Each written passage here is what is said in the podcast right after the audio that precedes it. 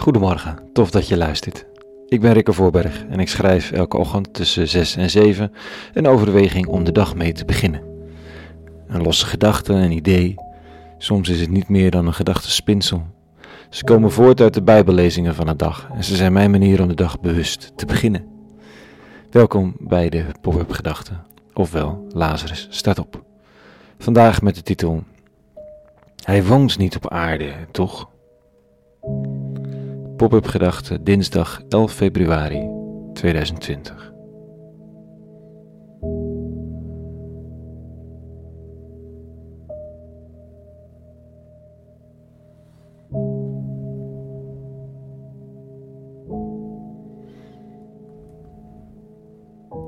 Hij heeft 6 miljoen Joden vermoord. Ga toch weg. Trillend had hij zijn vinger de lucht ingestoken tijdens het gastcollege dat ik gaf aan de Vrije Universiteit gisteren. Er zit een felheid in zijn stem die weinig ruimte laat voor gesprek.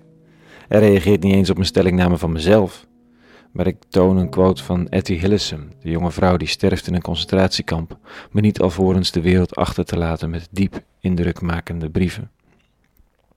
Ze schrijft dat er over die donkere kwaadaardige tijd toch ook gezegd moet worden dat God er is geweest.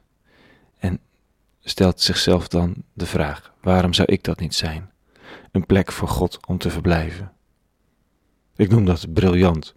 Dus misschien is het toch een stellingname voor mij waar hij op reageert. Ik noem het briljant omdat Europa vrij en masse na de gruwelen van de Tweede Wereldoorlog besluit om een God aan de dijk te zetten. Als hij dit toelaat, dan bestaat hij niet of hij is een klootzak. Wat Etty echter doet is zo anders, zo ontroerend anders. Ze geeft God niet de schuld van de dingen, al is dat ieders goed recht. Zij besluit dat er iets goddelijks nodig is in deze donkere omstandigheden en zegt: Waarom zou ik dat niet zijn? Dit mijn lijf, een plek voor God, voor het goede, voor de liefde, voor de warmte, om te verblijven, zodat men later zal kunnen zeggen dat er ook in de donkerste uithoek van de wereld op dat moment er geen totaal afwezigheid was van, van God. Hij hing rond in mensenlichamen en stak een hand uit, gaf een knuffel, was in en onder alles leidend aanwezig. Een onvoorstelbare gedachte, maar zo groots. En niet de mijne, maar die van Etty. Zijn gezicht in het college stond echter op onweer. En ik zei dat we dat Etty zouden moeten vragen of zij het eens was met zijn stellingname dat God de miljoenen Joden had vermoord. Ik vraag het niet aan haar, ik vraag het aan jou. Het was een vreemd gesprekje. Waarbij op mijn reacties niets dan hoofdschudden volgde. Delusional, mompelde de student. En niet onbegrijpelijk overigens. Het hangt er maar net af van wat je ziet, van wat je gezien hebt en van het wereldbeeld. En dat krijg je niet in een snelle uitwisseling van gedachten op tafel in een volle collegezaal. Helaas. Etty is ervan overtuigd dat God plekken op aarde zoekt om te wonen. Mensen eigenlijk. De collegezaalman gelooft op een bepaalde manier dat, dat, dat gelovigen geloven dat God de wereld bestuurt. En dat hij dus de hand heeft in de holocaust. En wil niets te maken hebben met mensen die een link leggen tussen zichzelf en die zogenaamde godheid. Of die nu bestaat of niet.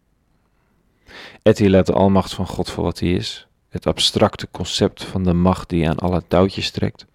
Dat concept dat leidt tot de vervreemding van zoveel mensen van religie.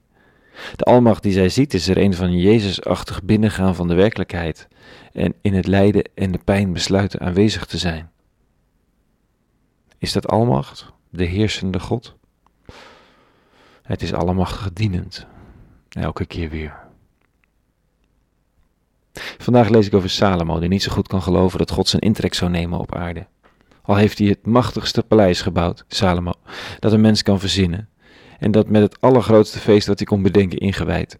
En dan staat er dat hij bidt, maar zou God dan werkelijk op aarde wonen? Zie de hemel, zelfs de hemel der hemelen kan u niet bevatten. Hoe dan dit huis dat ik heb gebouwd? Tof zo'n tempel, maar het past niet. Die diepe eerbied voor de maker van alles. Kan een aquarium, hoe vet ook, de macht van de zee bevatten? Voor wie de kracht van een werkelijke zeestorm kent, is dat een lachertje. Kan een schaatsbaan tippen aan de wijsheid van een bevroren meer in Siberië, of zelfs ons eigen Veluwemeer, als het bevroren is? Kan de grootsheid van alles een plek vinden binnen muren? Het kan er even aan raken, maar meer is het niet. God komt niet op aarde wonen, toch? Niet grijpbaar, plaatsbaar, beperkt. En ondanks de waanzinnige investering van Salomo beseft hij dat het niet genoeg is. Of misschien wel dankzij de waanzinnige investering. Toch dankt hij en buigt het hoofd, omdat de eeuwige, de ongrijpbare, zich heeft toegewijd aan een, pleit, een plaats en een tijd en mensen. Toen daar, nu nog, aan jou en mij. In alle eenvoud en verwarring, in alle interne rommel van verlangens en gedachten, van ego en zelfkritiek, daartussen en in huist de eeuwige. Die weigert te vertrekken van zijn planeet en uit de mensheid. Die weigert ook om met geweld zijn weg te banen om de wereld over te nemen, omdat hij dan niet meer zou zijn wie hij is, de ene. Die door de gaten en de kieren heen schijnt van de mens. En die wil wonen in de etties en de jou en mij van deze wereld. Want zo is het beloofd.